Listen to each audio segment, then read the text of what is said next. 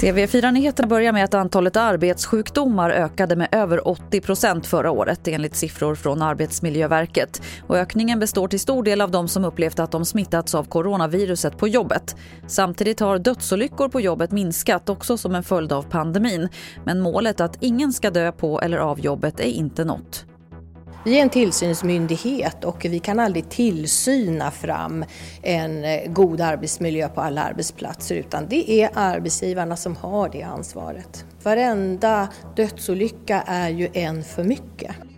Det sa Erna Selmin Ekenhag som är generaldirektör på Arbetsmiljöverket. Elever på en skola i Marks kommun misstänks ha förgiftat en lärare, det skriver Borås Tidning. De ska ha hällt kemikalier i en vattenflaska och läraren ska ha behövt söka läkarvård flera gånger.